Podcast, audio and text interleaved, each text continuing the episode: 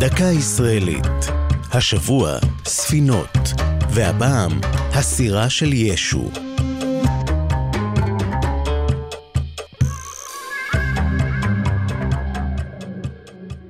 לפני כ-30 שנה יצאו שני אחים לטיול בחוף גינוסר ומצאו קסם על ים כנרת.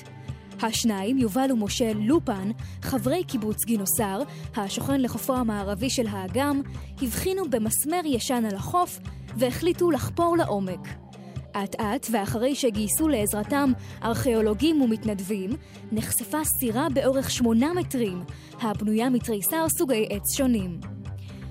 הסירה הייתה מלאה אדמת סחף, שסייעה להגן על העץ מפני ריקבון.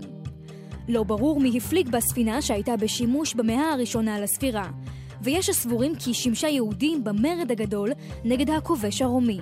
גם העולם הנוצרי החל לגלות עניין רב בספינה. בצילום שבו נראים האחים לופן מגלים את הספינה לראשונה, מופיעה גם קשת בענן. כל זה הוסיף להילה המסתורית של כלי השיט, ועלתה ההשערה כי זו ספינה ששימשה את ישו ומאמיניו. כך נולד הכינוי סירתו של ישו. הספינה עברה תהליך שימור במשך 14 שנה, והיא מוצגת בבית יגאל אלון בגינוסר. זו הייתה דקה ישראלית על ספינות והסירה של ישו. כתבה תום נשר, ייעוץ הדוקטור דני סיאון, מפיקה יעלי פוקס.